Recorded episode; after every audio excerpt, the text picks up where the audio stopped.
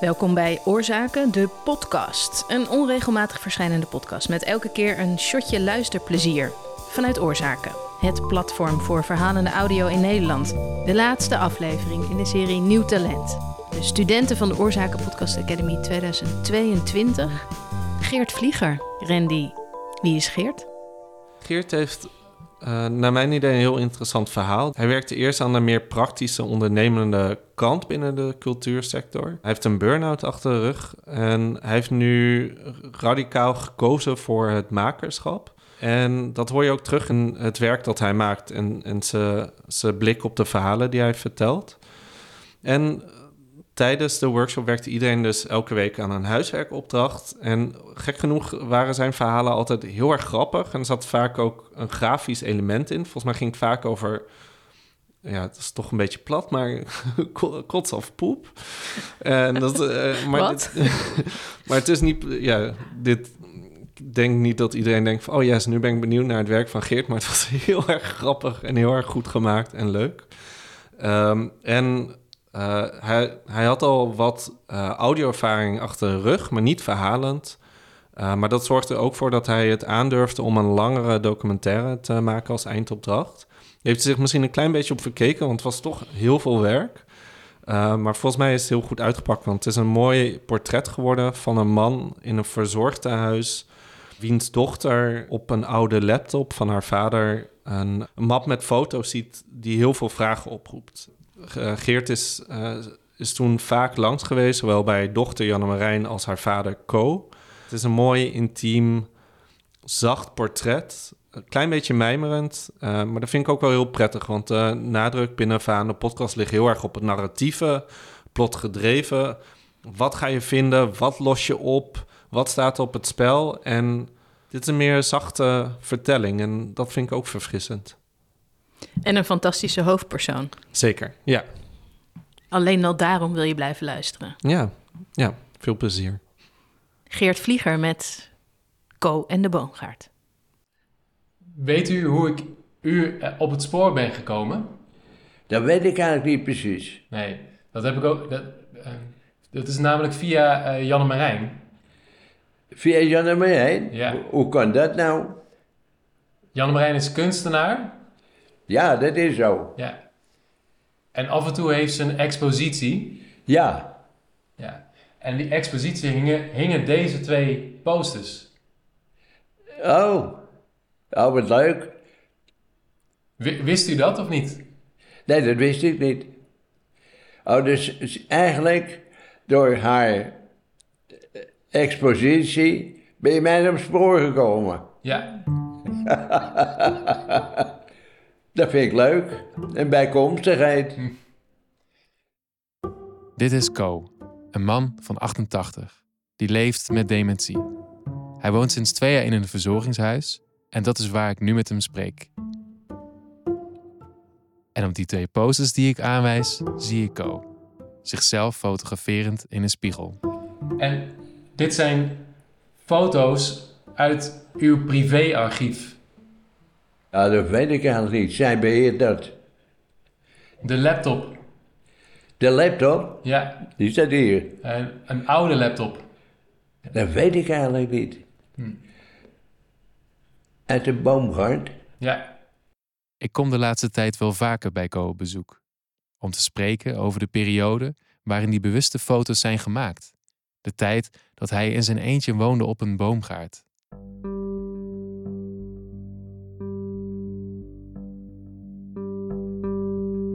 Ik leerde hem vorige zomer kennen via zijn zelfportretten. Die hingen dus op de expositie van Janne Marijn, zijn dochter.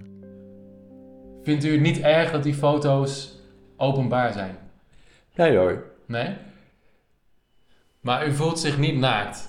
Hé? U voelt zich niet naakt op die foto? Naakt? Ja? Nee, ik ben gewoon gekleed. En, en, en die? Ja, waar die nou precies vandaan komt, weet ik niet. Ja. Maar ja, dat is ook geen naaktfoto. Maar wel in de onderbroek, toch? Ja. Ja, dus niet... Uh, nee, ik ga niet echt naakt op de foto. Waarvoor? U bent nooit naakt op de foto gegaan? Ik geloof het niet hoor. Nee. Nou, in de, in de expositie eh, bent u wel naakt te zien.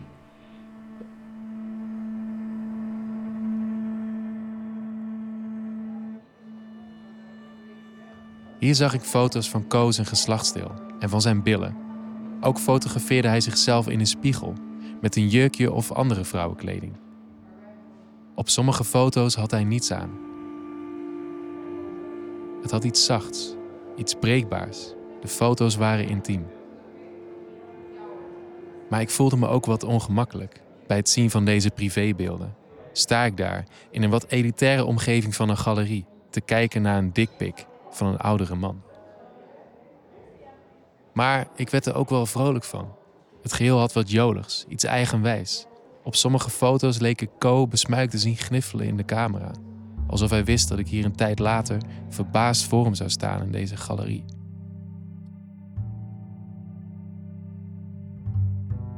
Naast deze foto's op groot en klein formaat hingen er op de expositie ook kleine handgeschreven notities. Vermoedelijk door Co geschreven in het verzorgingshuis. Het gaf mij een inkijkje in het leven van iemand die daar woont. Zo hing er bijvoorbeeld een briefje met daarop het schema van de dag. Half acht opgestaan. Acht uur steunkousen aan. Twaalf uur lunch. Varkenssucadelap met prei en aardappelpuree. Half vijf steunkousen uit. Tien uur naar bed.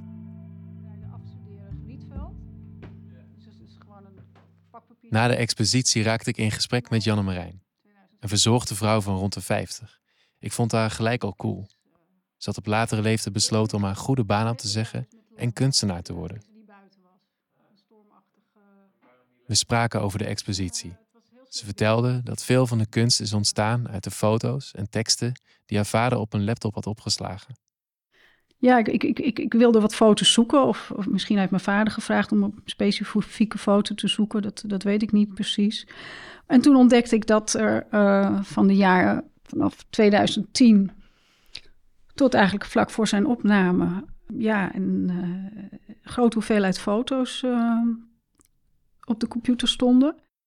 Het archief is dus gemaakt in die periode op de boomgaard. Deze had hij na zijn pensioen gekocht om zijn groene vingers de ruimte te geven. Hij kocht het in de jaren 90. Toen woonde hij nog met zijn vrouw in een rijtjeshuis. Maar toen zijn vrouw overleed, besloot hij ook op de boomgaard te gaan wonen. En uh, behalve koken, zijn omgeving, zijn tuin, zijn interieur, zijn bezoek, ja, zag ik ook dat uh, mijn vader een zelfonderzoek heeft gedaan. Hij heeft zichzelf uh, gefotografeerd voor de spiegel. Hij heeft zich naakt gefotografeerd. Hij heeft zich in dameskleding gefotografeerd. Hij heeft zich met een stropdas gefotografeerd.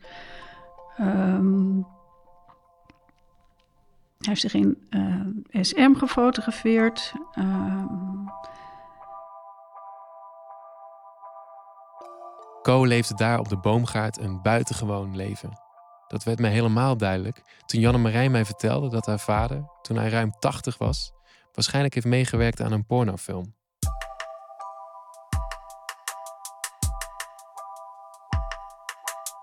Wat mij intrigeerde waren de contrasten in Co zijn leven. Op de boomgaard leek hij vrij en het zag er avontuurlijk uit. Hij was speels op onderzoek binnen thema's zoals SM en gender identity. Dit alles in een zelfgecreëerde eigen wereld, de boomgaard. En daar dan tegenover het leven in het verzorgingshuis. Leven met regelmaat, regels en weinig privacy in een wat sobere leefomgeving. Het was een wereld waar ik op dat moment eigenlijk nog niets vanaf wist. Mijn oma heeft een tijd in een verzorgingshuis gewoond, maar ik was toen te jong om dat bewust mee te maken. Al weet ik nog dat ik het er verschrikkelijk vond. Er hing verdriet in de lucht.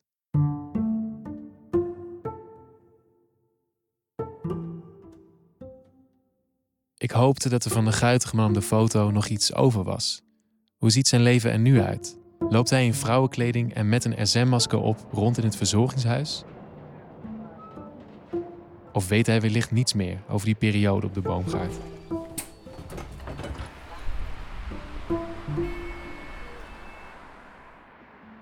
Een tijdje na de expositie reis ik voor het eerst vanuit Amsterdam, waar ik woon, met de bus naar Midden-Noord-Holland, naar het verzorgingshuis van Co.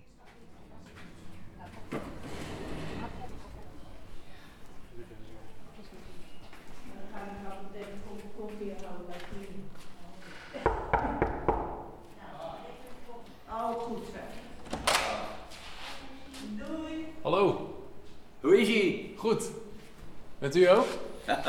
Kom binnen. Heeft u tijd? Ik heb van Jan Brein een oude, een beetje vergeelde luchtfoto van de boomgaard per mail gekregen. Een foto uit een tijd dat er nog geen Google Maps was. Ik heb een foto. Het lijkt me beter niet gelijk te beginnen met vragen over zijn expliciete zelfportretten. Co is voor mij nu nog een vreemde. Dit is het toch? Ja, Ja. ja, ja. Dat is een oude foto. Ja. Ja, dat was wel fijn. Dat is een mooi plekje, hè? Gewoon wat een leuke foto. Ja, dat is hem. De boomgaard.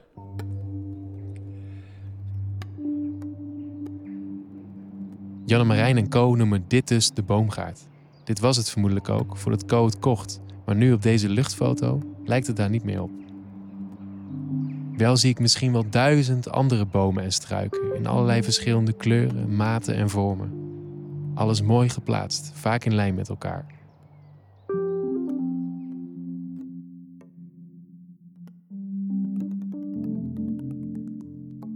Ja, en ik had eigenlijk ook nog een, een achterdeurtje, zal ik maar zeggen.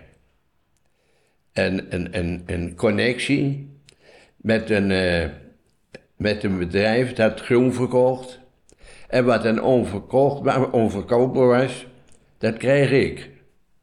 Nou, en, daar, en dit gaf ik overal een plekje. En zo kwam er steeds meer groen in die boomgaard. En werd die steeds mooier. Ik kijk weer naar de foto. Ik ben absoluut geen bomenkenner, dus wat er precies staat, dat weet ik niet. Maar ik vind het mooi. Het is een haast schilderachtig landschap. Een laken van gras met daarop vele kleine groene kunstwerken. Ja, Co wijst wel dingen aan op de luchtfoto. En ja, wat was er nog meer? Eh, taxis. Taxis, Bacata. Daar had ik een, een, hele koepel van. Ook nog. En er was er ook nog zoiets als... eh, S'avonds zo lekker ruikt. Ik kan niet zo gauw op de naam komen. En dat groeide er ook welderig. Ja, dat was ook mooi. Ja, maar het moet allemaal ook een beetje zijn tijd hebben. Ja? En hier heb je de schuur. En die heb, daar heb ik een inbouw gedaan. Je woonde in die schuur. Ik heb er, ja, ik heb er een soort woning in gemaakt, ja. Ah. Ja, ja, dat was wel fijn. Het is een mooi plekje, hè. Maar het was wel een heel apart avontuur.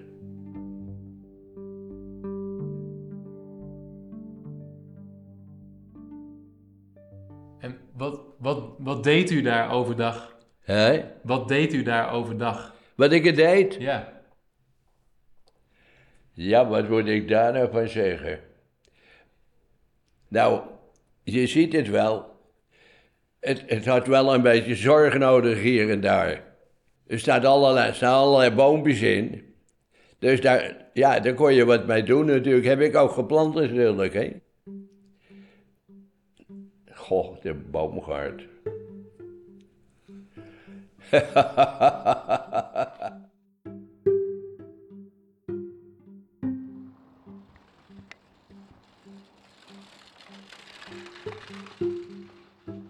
Ik ga op bezoek bij Janne Marijn.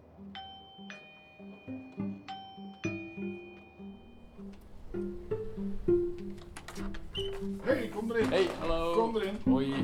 Jan-Peter, haar man, doet open en ik loop naar boven, waar Janne Marijn zich ontfermt over de katten die van mij geschrokken zijn. Hoi. Hallo. Hoi. Wat is het nou, Charlie? Ga maar gauw. In de beginjaren kwamen ze nog vaak op de boomgaard, maar dat veranderde. Wij hebben altijd getracht te helpen om om dat controleerbaar te houden, maar dat, dat ging gewoon niet meer. Het mede onderhouden van Co zijn woning en een boomgaard was veel werk. Dat was vooral ook zijn eigen schuld. Hij liet de boel bewust ontsporen. Zo verzamelde hij bijvoorbeeld spullen die hij bij de kringloop had gevonden en zette daar zijn woning en boomgaard vol mee. Ook de natuur liet hij steeds verder op zijn beloop. Jan Marijn en Jan-Peter kwamen nog geregeld een paar dagen opruimen. Maar een tijd later was het dan steeds weer terug bij af. Eh, tot en met zijn auto aan toe. Alles, alles werd uitgeleefd. Ja, niet, niet afwassen, maar met heet water een beetje, dat vet een beetje uitsmeren. Dat mensen op een gegeven moment ook zelf, die daar wel kwamen, namen dan zelf maar een kopje mee. Eh, als ik zijn bed niet verschoonde, had hij, had hij eh, eh, in zeven jaar zijn bed niet verschoond. Op een gegeven moment werd het steeds lastiger om met mijn vader om te blijven gaan. Ja, kan niet, er was geen ruzie of zo, maar hij had zijn plek daar. En eh, mijn vader kwam één keer per week eh, bij de achterbuurvrouw voor koffie en daar zag ik hem. Janne-Marijn en Jan-Peter kwamen zo'n tien jaar niet op de boomgaard. Het was een periode waarin Co alles liet verwaarlozen. De ratten liepen over de vloer, hij sliep op een beschimmeld matras en droeg elke dag dezelfde kleren. Hij joeg het toch al weinig bezoek dat kwam, soms van het terrein af. Hij leefde tien jaar een vrij solistisch bestaan. Totdat duidelijk werd dat het zo niet langer ging. Heel vreemd. Ik had er ook een bed staan. Daar was ik op gaan liggen en toen kon ik er niet meer afkomen. Geen, ik kon me nergens aan afzetten. Dat heeft drie dagen geduurd. Geen drinken, geen eten. En dan heeft Jeroen me gered. Dit is de overbuurman die af en toe een oogje in het zeil hield. Die heeft me toen van het bed afgetrokken. Daar was ik blij mee. Co kwam in het verzorgingshuis. Ik ben niet op de een of andere manier terechtgekomen. Ik denk door mijn schoonzoon en mijn dochter.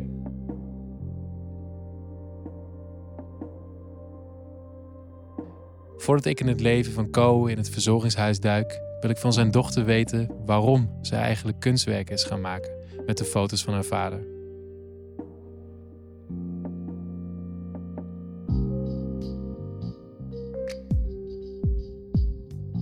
Janne Marijn is aangesloten bij een galerie, dezelfde als waar ik de expositie bezocht en Co voor het eerst zag. Ze werd bekend met haar langlopende scannenproject. Ze scant daglicht, wolken en regen en vertaalt dit met een computer naar abstracte kunstwerken. Na de vondst van haar vaders fotoarchief stopte ze met de scans.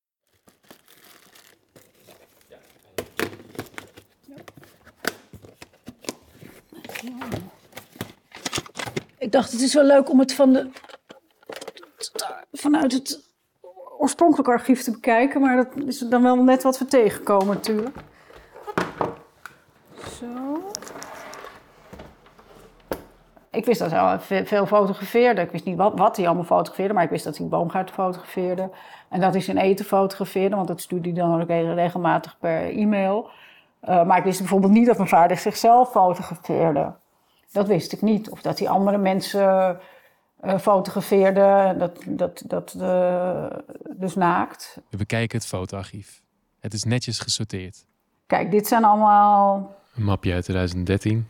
Dit soort afbeeldingen was ik eigenlijk naar op zoek. Dit zijn eh, stenen die hij heeft verzameld eh, in de kop van eh, Den Helder, Den Hoever. Kijk, en dan, maakt hij dan, heeft hij dan weer een compositie van gemaakt. Kijk, is ook weer een compositie. Compositie van buxusboompjes. Tegen de achtergrond van die conifera aan. Hier zie je wel dat, het, dat er tijd aan onderhoud is besteed. Ja, allemaal snoeiwerk. Ja.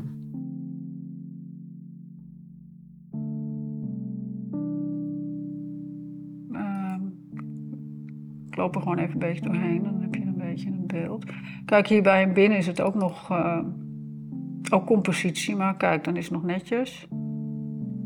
Dus dit soort foto's verwacht ik. Veel foto's van de boomgaard, van delen van de boomgaard, van de compositie van die, eh, van die bomen. Vooral heel veel groen. Ik zie hier bijvoorbeeld nog geen eh, zelfportret of zo. Is dat later gekomen of is dat nu gewoon een toevalligheid dat hij, eh, dat hij Nee, niet, dat eh, is een beetje 2014 inderdaad. hm.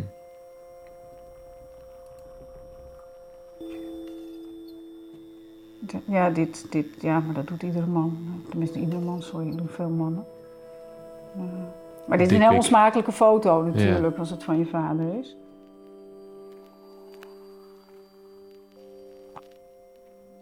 Ah, dat is een zelfportret. Ja, dit is een van de eerdere foto's voor de spiegel. En denk je dat hij dat dan gebruikt om naar iemand toe te sturen of zo, dit soort foto's? Of? Ja, hij zet wel op eh, homoerotische Fora noem je dat? Je had ook al eens gezegd dat je het vermoeden had dat er, dat er ook... ehm, of je had verteld dat er con- contact is geweest over het eventueel opnemen van een pornofilm ook. Ja, dat staat op de mail inderdaad. Hmm. dan- Ja.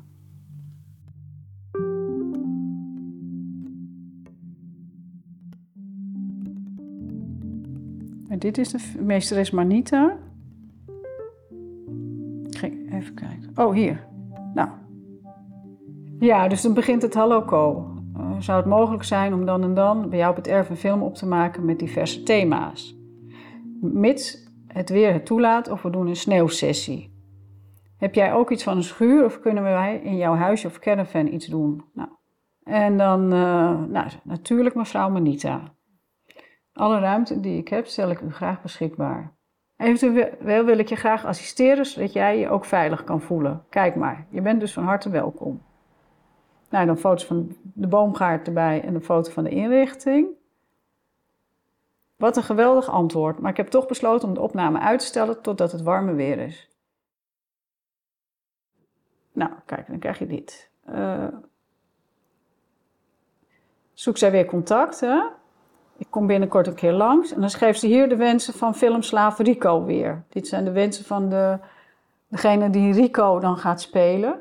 En die heeft geschreven aan haar, hoi meesteres, bij de Wormer is een prima eerste keus. Uitroepteken.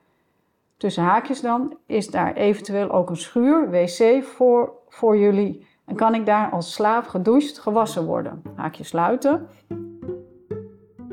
En u moet mij daar natuurlijk maximaal op extreme en bizarre wijze kunnen vernederen. Met bijvoorbeeld modder, andere viezigheid, dressuurtraining enzovoorts of andere extreme. U, Roxy en Sonja en eventueel anderen moeten zich flink kunnen uitleven op mij. Laat het echt een unieke film worden, uitroepteken. Ook andere mensen mogen erbij betrokken en aanwezig zijn.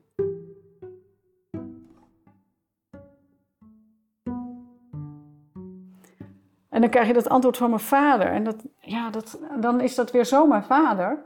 Dan gaat hij dus niet in mee. Dan zegt hij: Hallo Manita, leuk weer wat van je te horen. Nou, heel praktisch, maar ik heb geen douche hier. Wel heet water en een wastafel. En ook een toilet dat op het diepriool is aangesloten. De ondergrond hier is zeeklei. Je kunt het ook opscheppen en in een emmer vermengen met water. Het ging natuurlijk over dat modder gooien. Ja, met modder gooien. Dus hij denkt wel mee, maar dan heel praktisch. Dan, wordt de zeeklei, dan heb je stevige modder. Dat blijft ook lekker zitten. En kom zelf maar kijken wat de mogelijkheden zijn. Ik ben benieuwd. En ja, die amaryllis staat hier binnen nu te bloeien. Het is een prachtig exemplaar geworden. Maar ik ben nu wel benieuwd hoe het verder gaat. Ja, nee. dus- dus- dus- Of is het nog heel langlopend? Ik, nou, zij wel, oh ja, nee, zij gaat er niet op die amaryllis in. Ze zegt, is het goed als ik donderdagmiddag even langskom op de locatie... eens goed te bekijken qua mogelijkheden voor de film? Ik hoor het graag. Maar dan stuurt hij verhaaltje. Janne-Marijn wil iets vertellen met haar werk. Dat is de rol van kunst. Kunst zet ons aan tot denken over onszelf en over de samenleving. Het draagt bij aan betere omgangsvormen tussen mensen, meer begrip voor de ander. En dat begrijpen van de ander, in dit geval haar vader, is een van de voornaamste redenen dat ze het archief is ingedoken. Zo wordt duidelijk als we er samen doorheen scrollen. Ja, dat, ja, dat, eh, ja, ja, ja, waarom? We stuiten op een voor ons beide onbekende map met tekstdocumenten, plaatjes en mailwisselingen. We noemen wat titels hardop. Jaar 2013, nat seks. En dat staat naar jaar 2014, kiefiet. Jaar 2015, voorspel. En de, en de Gods, er zijn er ook zeven varianten van. Gods 07 meisje SM. Dan komen we een mailwisseling tegen. We vermoeden met iemand die hij op een forum heeft ontmoet. De persoon geeft Co informatie van het internet over SM en fetischisme. Fetischisme is aan zich niet erkend als een psychiatrische stoornis. Zoals met alle fantasieën kunnen fetishen bespreken met een partner bij sommige mensen als lastig worden ervaren. Even kijken hoor. De bovengenoemde Psychologie Today vertelt terecht dat veel mensen seksuele verlangens hebben die buiten de norm zijn. Zolang je communicatief en veilig bent en uw partners zijn instemmende volwassenen, dan is het vet is aan jou om te verkennen en te genieten. Ik denk dat mijn vader dit in het verleden erg had nodig gehad. Dat gewoon dit puur, dit kunnen bespreken. En dat was met mijn moeder absoluut niet aan de orde. Met mijn moeder kon je helemaal niets uh, bespreken. Ik denk dat het hier eigenlijk fe feitelijk, uh, dat dit een uh, belangrijk stukje is in die zin van dat het heel veel verklaart. Vervolgens komen een andere mailwisseling tegen van Co. met een vrouw die je ook op het internet heeft ontmoet. Gerry. Oh. Het is een vrouw die Janne Marijn ook al wel eens heeft gezien. Oh, dat is Gerry. Kijk, dit bedoel ik. Ik zoek geen levensgezel, maar wel gezelligheid. De gevoelens dat bruisen van binnen tussen de seksen, de man en de vrouw, daar wringt het. Ah. Ik ben daar aan de matige kant, terughoudend eigenlijk. Ze knoop die in het verleden is ontstaan. Oh, mooi. Maar je hebt misschien een ander idee van gezelligheid. Oh, grappig. Zij is kennelijk, uh, kennelijk wilde zij meer van mijn vader dan vriendschap. Ja. Blijft dus zoeken naar de gulden, gulden middenweg. En, of, en de weg, of liever de kronkelpaarden er naartoe, liggen vol met obstakels, geschied, geschiedenis uit het verleden. Maar dat hij het zelf een kronkel noemt, is natuurlijk ook uh, interessant. Ja, als hij dat er niet uh, hoort te zijn. Ja. En dat vind ik zo jammer. Dat is jammer. Zo gaat het vaker als Janne Marijn de laptop van haar vader opent. Ze vindt weer nieuwe informatie. De puzzelstukjes vallen steeds meer op zijn plek. Sinds het archief heeft, begrijpt ze haar vader beter, terwijl zij zichzelf een groot deel van haar leven onbegrepen voelde door hem. Er was vroeger weinig oog voor Janne Marijn door het slechte huwelijk van Co en zijn vrouw, haar moeder. Ik heb nog steeds de as van mijn moeder, dat uh, heeft heel lang bij mijn vader gestaan. En nu, uh, want het wilde, hij wilde het pas uh, dat ik het zou verspreiden als, als ik ook zijn as heb. Nou, het wordt vast een explosie, maar goed. maar dat was, een, uh, was gewoon een zieke relatie waar ik het slachtoffer van ben geworden. Dat is eigenlijk de meest simpele samenvatting. Dat ik op een gegeven moment jarig was en de avond ervoor hadden zij ruzie gehad en had mijn vader een bierflesje naar zijn hoofd gehad. En dat ik jarig was en dat ik in de tuin rende en dat, ja, dat ik dan in het glas stap. Uh, en ik had gelukkig dan de buren waar ik vaak naartoe ging, waar ik ook uh, altijd mee op vakantie ging, die hadden gelukkig. Die hadden het goed voor elkaar. Dus die hadden een huis in, in Italië en een huis in Oostenrijk. Dus op een gegeven moment was ik gewoon. iedere vakantie was ik weg, weet je wel. Ik was gewoon twaalf weken per jaar uit huis. En dat moest ook wel, want op een gegeven moment had ik ook een. kreeg ik ook een eetprobleem. Dat is niet zo raar is onder deze omstandigheden. En neem je ze dat kwalijk? Nee, dat neem ik ze niet kwalijk. Nee, zeker niet. Nee, want ik, ik zie nu zelf. Uh, uh, het leven is lastig. En, en, daar ging natuurlijk ook dat project uh, met mijn vader heel erg over. Dat, ik denk dat we dat ook wat meer naar elkaar uit mogen spreken. Dat leven is lastig. En er zijn ook. Ja, de keuzes die je maakt zijn ook vaak al ingegeven door omstandigheden. Soms is dat lastig om dat aan die omstandigheden te ontsnappen. Ze zag nu, met terugwerkende kracht, dat haar vader daar zijn leven opnieuw aan het vormgeven was. In het geheim, het openlijk bevragen van je eigen seksualiteit of genderidentiteit is voor een groot deel van zijn generatie iets wat er nooit heeft mogen zijn.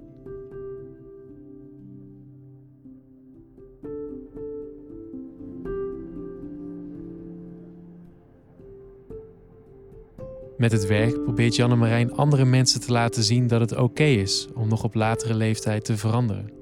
Om aan de omstandigheden te ontsnappen. Om de oorzaken die maken dat je vastloopt om te buigen. Door op zoek te gaan naar wat voor jou wel werkt.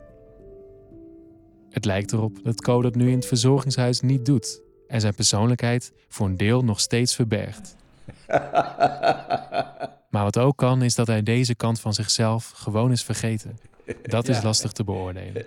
En, en wat, is, uh, wat is dat? Ik wijs opnieuw naar de twee posters. Oh, dat is zomaar. Dat is zomaar? Ja, dat is zomaar. Ja, dat ben ik wel hoor. Het is knap van een ding geworden, hè. Maar hij is wel leuk. Wat is het? Wat zien we? Dat ben ik. Ja, je moet dat niet zo... Het is een beetje... Hè? Een beetje leuk. Be- Ja, Het is een grapje. ja. Oh, ja. Vond u het leuk om vrouwenkleding aan te trekken? Nee, ik heb, ik heb dat niet. Oh, Ik heb gewoon een broek aan. oh oké. En een hemd eroverheen. Ah. Co liet mij eerder merken niet echt een actieve herinnering te hebben aan het archief. Ik probeer zijn geheugen daarom wat aan te wakkeren. Want u, u heeft in, van 2010 tot 2020 ongeveer... heeft u foto's gemaakt op de boomgaard. Dat weet ik niet. Zal wel. Ja. En die staan op, op uw oude laptop. Oh, is dat zo? Ja. Ja. Ik ben die, die hele laptop kwijt. Die heeft mijn dochter zeker. Ja. Oh, dat is leuk. Vindt u dat leuk, ja? Ja, heel leuk wel. Ja. U zocht foto's en informatie over eh, SM. SM? Ja. Weet u wat dat is? Ja, dat is het, het, het eigenaardige. Ja. Ja. Maar op uw computer stonden daar eh, foto's en teksten van. Oh, dat weet ik niet. Dat weet u niet meer. Nee. Had u daar een interesse in of weet u dat ook niet meer? Ja, ik geloof het eigenlijk wel zo. Ja. Eh, stond het op die laptop? Ik heb er eigenlijk niet... Dat, dat heb ik helemaal niet meer in mijn hoofd, in mijn hoofd zitten. Hm. Dat zal wel niet, niet veel bijzonder zijn geweest. Vond u, vond u mannen ook interessant? Nee, ik ben niet... Zo ben ik, dat heb ik niet. Nee? Nee. Ik, ja, ik ben gewoon een, een, een fan onder, een man onder mannen, maar ik, heb, ik val dus niet op mannen of zo. Nee. Dat heb ik niet. Nee. Maar ja, dat speelt eigenlijk niet meer. Die contacten, dat, dat, dat is er gewoon niet meer. Dat zou u niet, dat zou u niet willen. Ja, daar ben ik gewoon te oud voor. Hm. Dus, dus de spanning is eruit, dat is er niet meer. Ja.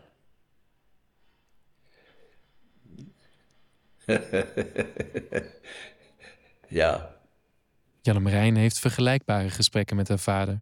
Maar ook zij heeft het vermoeden dat hij niet de hele waarheid vertelt. We filosoferen samen over hoe dit zou kunnen komen. En wat, wat ik nou zo bijzonder vind, als in, ik kan me heel goed voorstellen als je opgegroeid bent in een heel ander milieu als ik. Ik ben opgegroeid in een zekere zin ook, ik bedoel, jij bent ook van een generatie ertussen, zeg maar. Ja, Ehm, maar als je dan deze leeftijd bereikt en dat, wat, wat, maakt het, wat maakt het nu allemaal nog uit? Waarom zou ik niet gewoon open kaart spelen of zo? Dat, dat gevoel heb ik er een beetje bij, van waarom zou je dit nog verborgen houden? ja, ja ik, ik denk omdat het zodanig verborgen is dat je er niet bij kan. Dus dat je, snap je wat ik bedoel? Dat je niet eens weet dat, het, dat je het ooit verborgen hebt, maar dat het zo ver is weggestopt.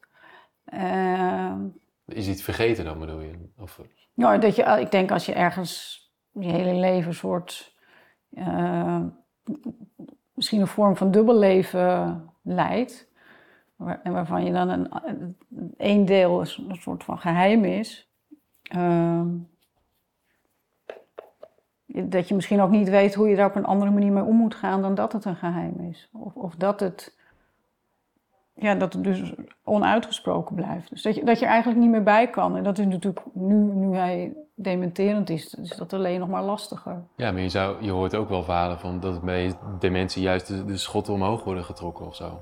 Ja, dat, maar dat, dat kan misschien nog gebeuren. Dat is nu nog, eh, Ja, nu nog niet eh, aan de hand. Eh, maar hij heeft wel, eh, dat kan je ook op zijn computer zien, hij heeft wel contacten en er staan wel allemaal schunnige zeg maar, foto's op zijn computer. Maar ja, het is wel jammer als je die verlangens hebt en je hebt het gevoel dat het er niet mag zijn. Dat lijkt mij, eh, dat lijkt mij eenzaam.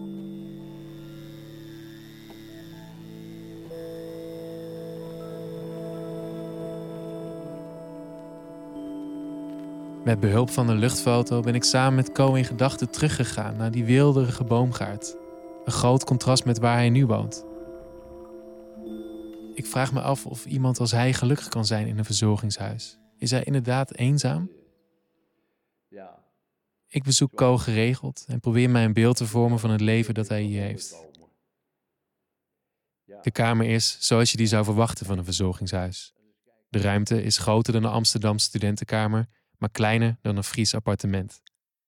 De inrichting is qua meubilair vrij sober. Er staat een zwart leren fauteuil naast het raam. Het leer is door de jaren heen flink verkreukeld. Vanuit hier wordt veel naar buiten gekeken. Of naar de tv die er tegenover staat. Ik zit hier zo, met, de- ik heb mijn televisie, ik heb mijn laptop, daar heb ik veel plezier van. En, eh, nou ja, mijn bed, en eh, je kan je eigen douchen daar. En de wc, alles, en een klein keukenbuffet. Dus alles bij de hand. Het zou door de witte muren en het weinige ook al niet te mooie meubilair een minder gezellige plek kunnen zijn. Maar dat is het niet. Dit komt mede doordat de muren vol hangen met kleurrijke op A4 geprinte foto's. Het zijn foto's die Co zelf heeft gemaakt van binnen het verzorgingshuis of die directe omgeving. De serie laat zien hoe klein de wereld is van iemand die in het verzorgingshuis woont. Ik vond het gebouw en het terrein eromheen niet zeggend. Sfeerloze jaren 90 bouw met daartegenover een stuk braakliggend terrein. Maar in Co zijn foto's van deze omgeving schuilt een zekere schoonheid. Hij neemt zijn fototoestel mee als hij naar de supermarkt loopt, 200 meter verderop. Ondertussen stopt hij en maakt er foto's als hij iets moois ziet. Het liefst zet hij vogels op de foto, Ja. vogels met jonkies op de rug. Dus ja, ik ga naar de Dijkermarkt, koop ik wat in, meestal bier. En eh, ik kijk wat rond, onder andere die, die foto's van die fut met die jonkies op zijn rug. Ja, dat is heel iets bijzonders, daar moet je net tegenaan lopen. Hé, hey, de fut. En daar met die jonkies op zijn rug. Begin mei was dat.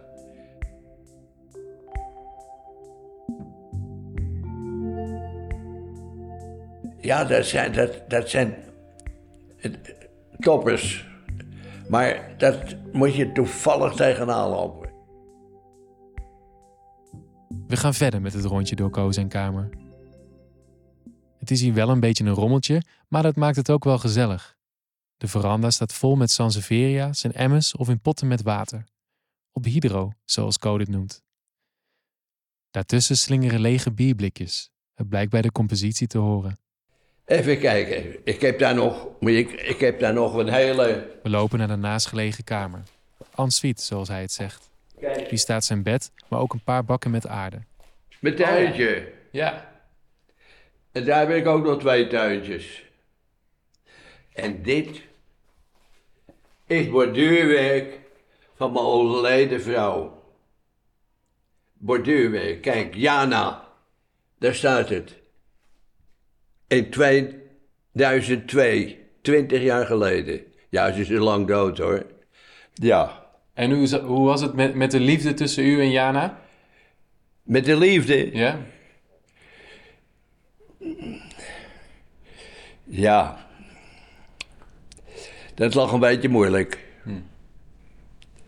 Dat lag een beetje moeilijk, ja. Ja, we hebben dus wel uiteindelijk een, een dochter. Ja, maar, ja, maar die ken je. Ja. Ja.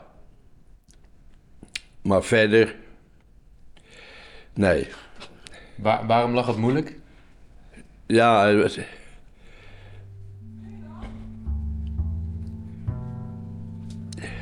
Laten we niet over praten. Oké.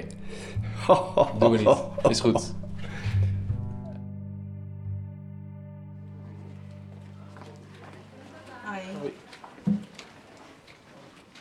Lunchtijd. De gemeenschappelijke eetzaal is een grote ruimte. Het plafond is minstens 7 meter hoog. Er staan hier een stuk of 15 tafels. Aan sommige zitten twee of drie mensen, andere zijn met acht vol bezet. Het gros van de mensen draagt een beige broek en glimmende sportschoenen van merken als K-Swiss en Adidas. De koep is overwegend hetzelfde. De meeste mannen kaal, bij de vrouwen kort en wit. Een deel van de mensen aan tafel draagt een slabbertje. Dit zijn vaak ook de mensen die in rolstoelen zitten, met namen als Breezy of Quickie. Het is vrij stil in deze ruimte waar meer dan 100 mensen aan het eten zijn. Er wordt weinig gesproken. Mensen kijken voor zich uit of naar het bord. De bediening vliegt daar enthousiast omheen. Co zit achterin aan tafel met overwegend dames. Zijn vaste tafel met zijn vaste tafelmaatjes. Het ziet er van een afstandje uit als de meest gezellige tafel in de eetzaal.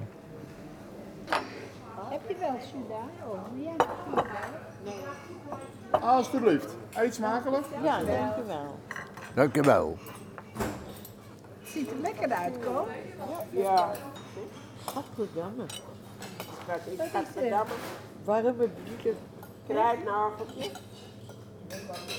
Warme bietjes.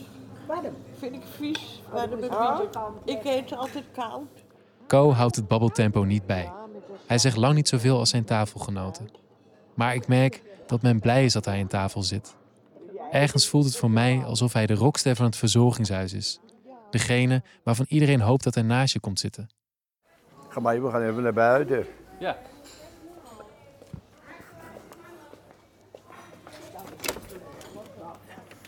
Poepoe. Jezus, wat is het al heet? Ja. Na de lunch ga ik met Co in de patio zitten. Het is een openhartig gesprek, zoals ik eigenlijk altijd wel met hem heb. Alleen lijkt Co nu nog scherper. En ook zijn gehoorapparaat lijkt erg goed te werken. Ik voel hierdoor de 55 jaar die wij schelen niet. En waar ik in het verleden nog van je naar u schoof, is het nu overtuigend je en jij. Nee, dat doe ik helemaal niet. Ik vraag hem naar het gezelschap. Maar u heeft wel een, eh, een gezellige eettafel. Ja hoor. Andere eettafels wordt, wordt, eh, wordt niks gezegd soms. Nee, we hebben best een aardig tafeltje. Ja, we Oh. zitten een beetje achteraf. Maar ik kan wel het, het hele zaaltje overzien.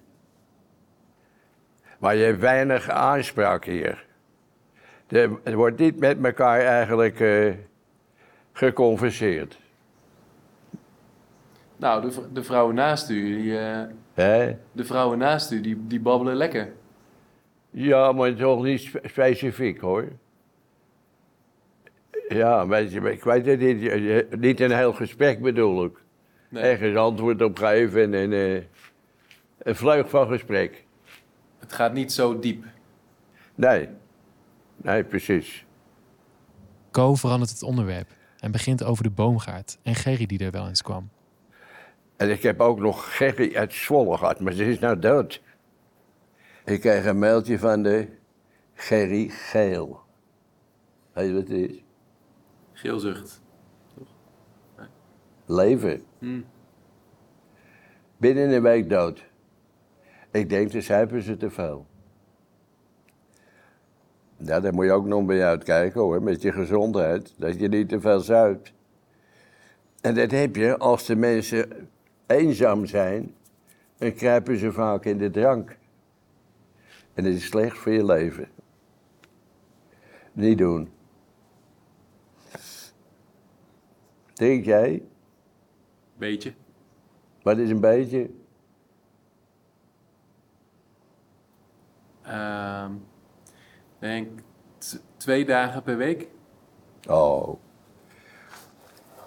Als je maar niet te veel drinkt in één keer. En niet st- sterke drank. Nee. Bier, Ja. dan kan ik wat. Nou, wel een beetje toch? Ja. Als je een krat bier leeg zuipt, dan eh, is veel te veel natuurlijk. Maar als je eh, gewoon een normaal biertje drinkt, laat zeggen een litertje, dan kan ik wat. Dat is zelfs, dat is goed. Voor je vochthuishouding. Maar ni- niet iedereen is het daarmee eens, toch? Dat weet ik niet, want ik zeg het niet tegen een ander. maar ze zullen wel weer wat hebben. Je hebt altijd dwarsliggers. Ja, En een van die dwarsliggers is Janne Marijn. Ze wenst dat Co mindert of stopt met drinken, omdat dit al haar hele leven een thema is geweest. Ze stelt dat als haar ouders niet hadden gedronken, ze een betere jeugd had gehad. Ook komt ze niet bij haar vader na vier uur, want dan drinkt hij bier en gedraagt hij zich op een manier waar ze niet goed tegen kan.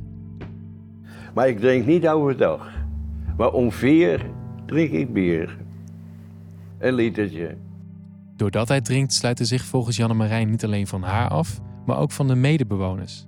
Het werkt volgens haar eenzaamheid in de hand. En bent u hier wel eens eenzaam? Voelt u zich wel eens eenzaam hier? Of ik me eenzaam voel? Ja, Dat is een moeilijke vraag. moeilijke vraag.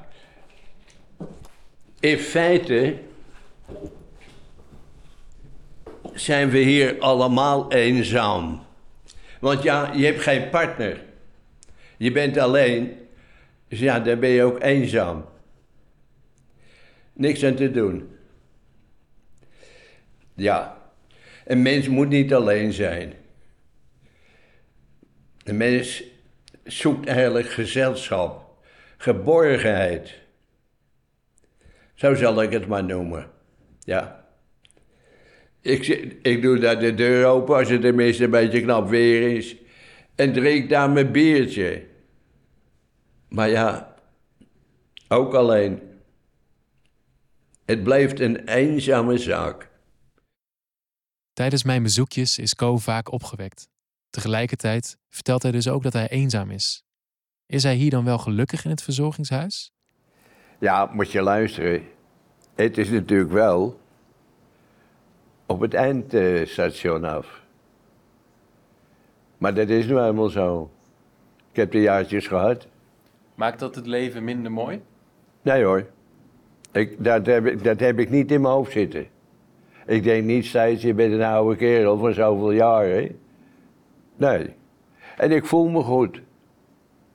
Dus ja, ik voel de tijd niet. Bent u nu gelukkig af en toe? Nou, gelukkig is, het, is een trapje hoger, maar wel tevreden. Maar eh, gelukkig, ja, dan denk je aan iets van. hè, hè. Maar dat is het niet. Dat is er gewoon niet. Maar ik ben wel tevreden. Ja, wat moet je anders? Ach, je zit hier niet gek. We zitten nog steeds in deze ommuurde tuin, de patio van het verzorgingshuis. Tegen deze hoge muren groeien klimop omhoog. Er staan wat struiken aan de randen en in het midden van de patio staat een klein boompje. Van een medewerker hoorde ik dat het boompje bijna dood was. Maar toen Koa zich intensief mee ging bemoeien, overleefde deze het toch. Kijkt en wijst naar de grond, naar de spleten tussen de grote terrastegels. Kijk, heel kleine bloempjes. Zit je daar? Die groeien in die spleet. Daar staan ze ook. Heel leuk. Ze hebben overal waar een plekje is waar wat groeien kan, groeit wat. Groen is kennelijk zo belangrijk in de natuur dat het overal gaat groeien. Het doet ook wat maakt zuurstof.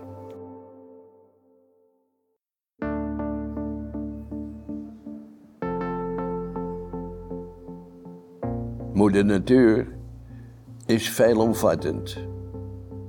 Maar je moet het een klein beetje begrijpen eigenlijk. Hoewel echt doordringen, kan je het niet. Zo is het met het hele leven.